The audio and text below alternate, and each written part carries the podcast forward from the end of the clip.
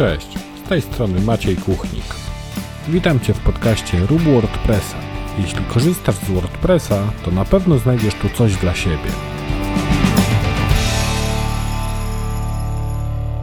Cześć, witaj w 57. odcinku podcastu Rób WordPressa.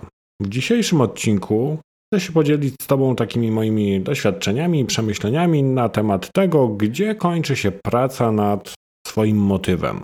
Czyli jeśli robimy jakiś własny motyw, to gdzie tak naprawdę jest e, punkt, w którym możemy powiedzieć, że skończyliśmy. Partner mojego podcastu, czyli marka CyberFolks, przygotowała prezent dla słuchaczy mojego podcastu, czyli taki kod rabatowy na 20% na rejestrację dowolnego hostingu dla WordPressa. I co ważne, tutaj ten kod rabatowy sumuje się również z tą obniżoną cenę na pierwszy rok, więc Mimo, że widzicie tam już cenę, która jest e, obniżona, to za pomocą kodu podcast pisanego przez C możecie obniżyć sobie jeszcze tą kwotę o 20%. Kod jest ważny 3 miesiące, także możecie go wykorzystać w dowolnej chwili. A wracając do tematu dzisiejszego odcinka, e, czyli do tego, w którym momencie tak naprawdę kończy się nasza praca nad motywem, to chcę tutaj poruszyć e, taki temat e, sytuacji, w której przygotowujemy motyw jakiś taki dedykowany na podstawie na przykład dostarczonego projektu graficznego. No bo inna sytuacja jest troszkę, jeśli robimy taki motyw, który ma być powiedzmy gdzieś tam przeznaczony do takiego ogólnego użytku, czyli na przykład chcemy go umieścić w repozytorium WordPressa, czy w jakiś tam inny sposób udostępnić szerokiej społeczności, E, a zupełnie inaczej ta sytuacja wygląda w momencie, w którym na bazie projektu graficznego mamy przygotować jakąś stronę i właśnie w ostatnich e, powiedzmy dniach czy tygodniach realizowałem taki projekt, gdzie było dosłownie chyba 4 albo 5 widoków. One były dosyć specyficzne, każdy z nich się dosyć mocno różnił. Natomiast cała strona ograniczała się do tych pięciu widoków. One były w kilku wersjach językowych, plus tam też były pewne elementy dynamiczne, więc e, tutaj też użycie WordPressa było jak najbardziej sensowne, bo mm, pewnie pierwsza myśl, jaka gdzieś tam się pojawiła w waszych głowach, mogłaby być taka, że w sumie to WordPress tutaj do niczego mm, nie jest potrzebny, bo równie dobrze można by było tą stronę postawić w czystym HTML-u, CSS-ie i byłoby dobrze. E, natomiast, tak jak mówię, no tutaj pewne rzeczy były dosyć dynamiczne. Tam mm, między innymi była taka biblioteka raportów, które gdzieś tam trzeba było dodawać na, na tą stronę, więc tutaj to zarządzanie też było dosyć istotne, więc wybór był jasny. Mówiąc o tej granicy właśnie naszej pracy nad motywem, miałem na myśli tutaj głównie tę sytuację, że w każdy motyw WordPressowy obsługuje ileś tam różnych widoków, które odpowiadają za wyświetlanie różnych elementów, na przykład za wyświetlanie pojedynczej strony, pojedynczego wpisu, jakichś archiwów. E, I tutaj w tym kontekście chciałbym ten dzisiejszy odcinek poprowadzić i podzielić się z Wami takimi swoimi przemyśleniami w tym temacie. No bo jeśli mamy na przykład e, sytuację tego typu, że robimy właśnie taki motyw, który będzie gdzieś tam szeroko dostępny w internecie, no to musimy e, zadbać o kilka takich podstawowych e, widoków. I pierwszy taki widok, można powiedzieć, to, będą, to będzie widok oczywiście pojedynczej strony i pojedynczego wpisu. Tu oczywiście może to wyglądać niemalże identycznie, niezależnie czy to będzie właśnie strona, czy to będzie wpis. Oczywiście też musimy zadbać tutaj na przykład o to, aby w odpowiedni sposób ostylować formularz komentarzy, czy samą listę tych komentarzy. E, kolejnym takim widokiem, który również nasz motyw powinien obsługiwać, e, będzie to widok archiwów, e, czyli wszelkie archiwa związane czy to właśnie z kategoriami, z tagami, czy na przykład archiwum autora, bądź e, archiwum według jakiejś daty.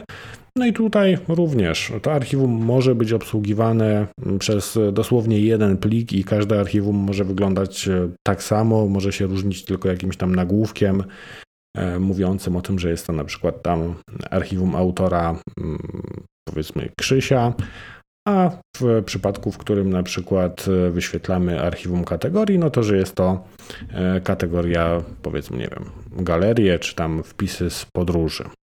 Kolejny taki widok, który powinniśmy obsłużyć, jest to oczywiście strona główna, i tutaj możemy mieć e, albo po prostu wybraną jakąś stronę statyczną, która będzie pełniła rolę naszej strony głównej, e, albo możemy mieć listę wpisów, więc tutaj też e, trzeba zadbać o to, aby w naszym motywie był odpowiedni plik, czyli w tym przypadku plik home.php, który będzie odpowiadał właśnie za wyświetlanie tej listy postów w momencie, w którym w sekcji ustawienia, czytanie będziemy mieli ustawione, że nasza strona główna ma wyświetlać ostatnie nasze wpisy.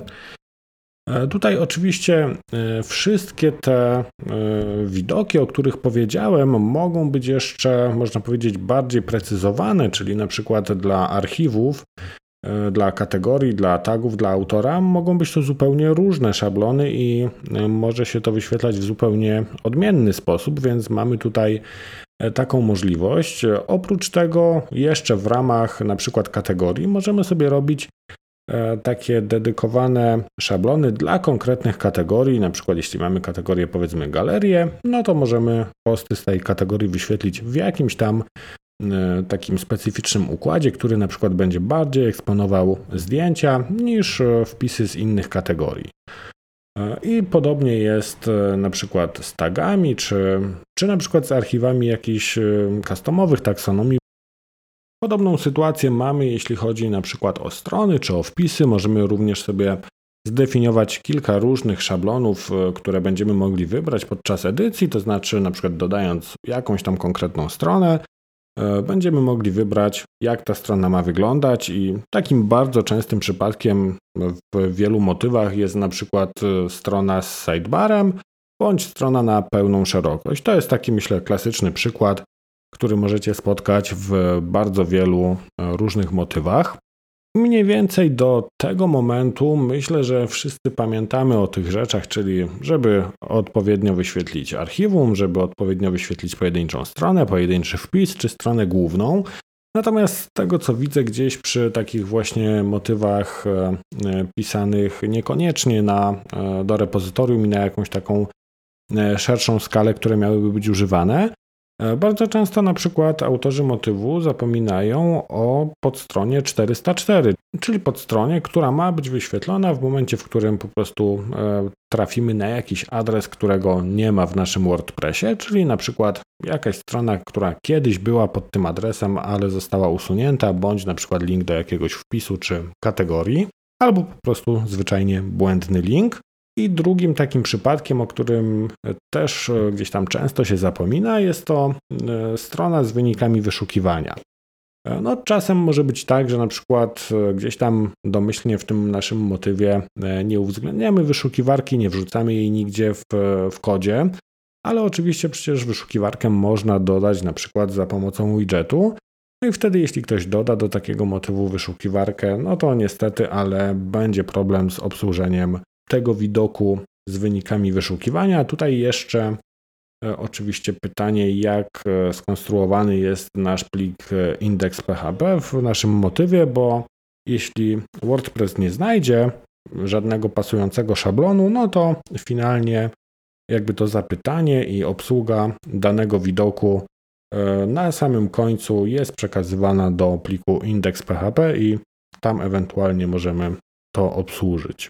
No dobrze, to był ten pierwszy przykład, w którym mówiłem właśnie o takim motywie, który powinien mieć e, te wszystkie widoki obsłużone i powinniśmy zadbać o te wszystkie rzeczy. No ale co w sytuacji, gdy przychodzi klient taki jak e, przyszedł do mnie, gdzie mamy dosłownie 5 widoków do pokazania i to jest e, strona główna plus jakieś tam 4 widoki podstron. Tutaj w tym przykładzie wpisy w ogóle nie były używane, więc na tej stronie w ogóle nie potrzebowaliśmy widoku pojedynczego wpisu. No a co za tym idzie, również archiwa tych e, wpisów stały się z automatu zbędne. E, no i tutaj zawsze też pytanie, dokąd robimy, gdzie się kończy nasza praca.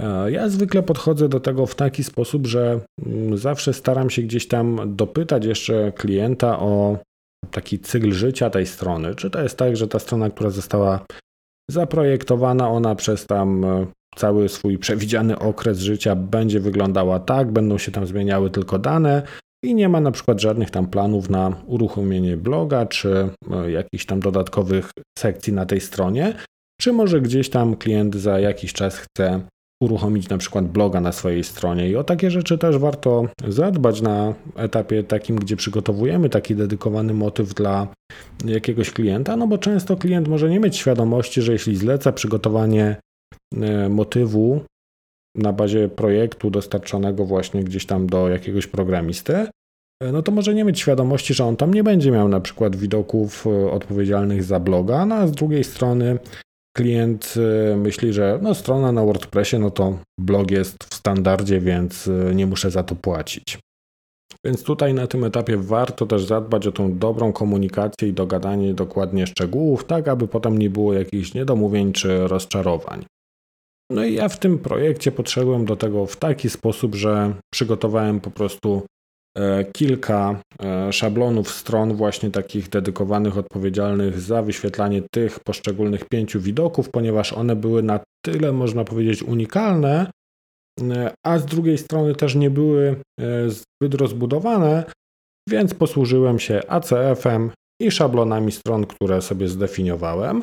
Oprócz tego zrobiłem jeszcze oczywiście taki domyślny plik page.php, gdzie zawarłem taki zwykły, przeciętny szablon strony, to znaczy tytuł, treść i to wszystko, białe tło.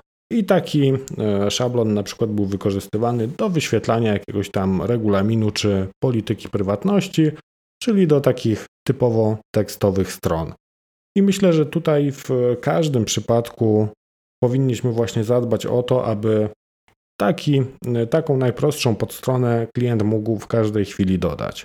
Oczywiście Gutenberg w tym momencie bardzo nam gdzieś tam rozszerza te możliwości, więc jeśli zadbamy o jakieś e, podstawowe rzeczy typu właśnie stylowanie nagłówków, list i tak dalej, e, to resztę już można powiedzieć zrobi za nas Gutenberg i klient dostanie takie podstawowe narzędzie do przygotowania sobie właśnie takiej podstrony z treścią, z jakimś tam regulaminem, polityką prywatności czy tego typu rzeczami.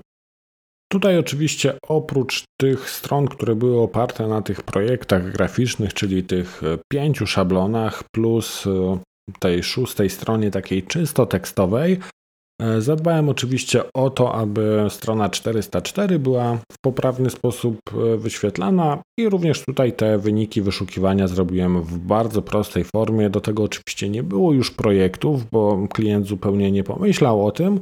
Natomiast oczywiście myślę, że każdy programista na bazie jakiegoś tam ogólnego stylu strony będzie w stanie zrobić coś, co będzie wyglądało poprawnie i i wystarczająco dobrze. E, tutaj oczywiście ktoś się może ze mną nie zgodzić i ktoś może sądzić, że powinniśmy też uwzględnić tam obsługę wpisów, archiwów i tak dalej, aby ten motyw był kompletny. E, no i poniekąd e, może jest i to racja, natomiast tak jak mówiłem, w sytuacji, w której ten motyw miałby szeroko gdzieś tam iść na rynek, że tak powiem, no to oczywiście tak, wtedy jak najbardziej jest to słuszne. Natomiast jeśli to jest strona, która nigdy nie będzie miała bloga i nigdy to nie będzie wykorzystane, no to myślę, że jest to zupełnie zbędna praca. I tak jak mówię, ważne też, żeby uświadomić klienta w tych ograniczeniach i po prostu też jasno gdzieś tam z nim to e, ustalić, zakomunikować mu to tak, aby nie było niedomówień. No bo tak jak mówię, spotkałem się też z sytuacjami, w których e, klient przysyłał na przykład widoki właśnie pod stron, ale zupełnie nie pomyślał o widokach e, blogowych, a z drugiej strony myślał, że bloga będzie miał, no bo to jest gdzieś tam w standardzie w WordPressie, więc tutaj myślę, że rozmowa i uświadomienie klienta o tych e, ograniczeniach będzie bardzo korzystne zarówno dla nas, jak i dla samego klienta. Unikniemy potem jakichś tam niedomówień, niedopowiedzeń, e, dzięki czemu oczywiście szybko i sprawnie będziemy w stanie zamknąć projekt. I na koniec pracy przy takim motywie oczywiście zawsze warto sobie e, zrobić na przykład taką checklistę do przetestowania właśnie takich widoków nieoczywistych, tak jak na przykład strona 404, no bo zwykle klikamy sobie po tych podstronach, które mamy gdzieś tam w nawigacji, no ale mm, czasem może się zdarzyć właśnie, że umknie nam gdzieś ten widok 404 i finalnie on zostanie nieobsłużony, więc tutaj warto mieć taką checklistę do sprawdzenia. No i przede wszystkim warto sobie przeklikać te strony, sprawdzić jak wyglądają poszczególne widoki, sprawdzić wszystkie widoki, które gdzieś tam potencjalnie mogą zostać wywołane, nawet e, takie, których nie ma w nawigacji, czyli na przykład jeśli nie mamy nigdzie podlinkowanego jakiegoś tam archiwum związanego z datami, no to oczywiście warto gdzieś tam sobie wygenerować jakiś taki link do archiwum na przykład miesiąca czy roku i sprawdzić, czy wszystko tam się nam poprawnie wyświetla. Mam nadzieję, że ten odcinek, mimo że krótki, to dał Ci taki ogólny obraz e, i zwrócił uwagę na kilka takich problemów, o których mi również gdzieś tam zdarzało się zapominać, ale teraz dzięki jakimś tam checklistom, które sobie stosuję przy tego typu rzeczach, mogę uniknąć właśnie takich błędów. Jeśli masz jakieś swoje sposoby na tego typu problemy, bądź na przykład nie zgadzasz się z tym, co powiedziałem w tym odcinku, to oczywiście zapraszam Cię do dyskusji albo gdzieś tam na Facebooku, albo na przykład pod adresem maciejkuchnik.pl łamane na 057. Tam znajdziesz właśnie komentarze do tego odcinka. Na koniec przypominam również o kodzie rabatowym dającym 20% rabatu na usługi hostingu WordPress u naszego partnera u cyberfolks.pl. A tymczasem żegnam się i do zobaczenia w kolejnym tygodniu. Cześć!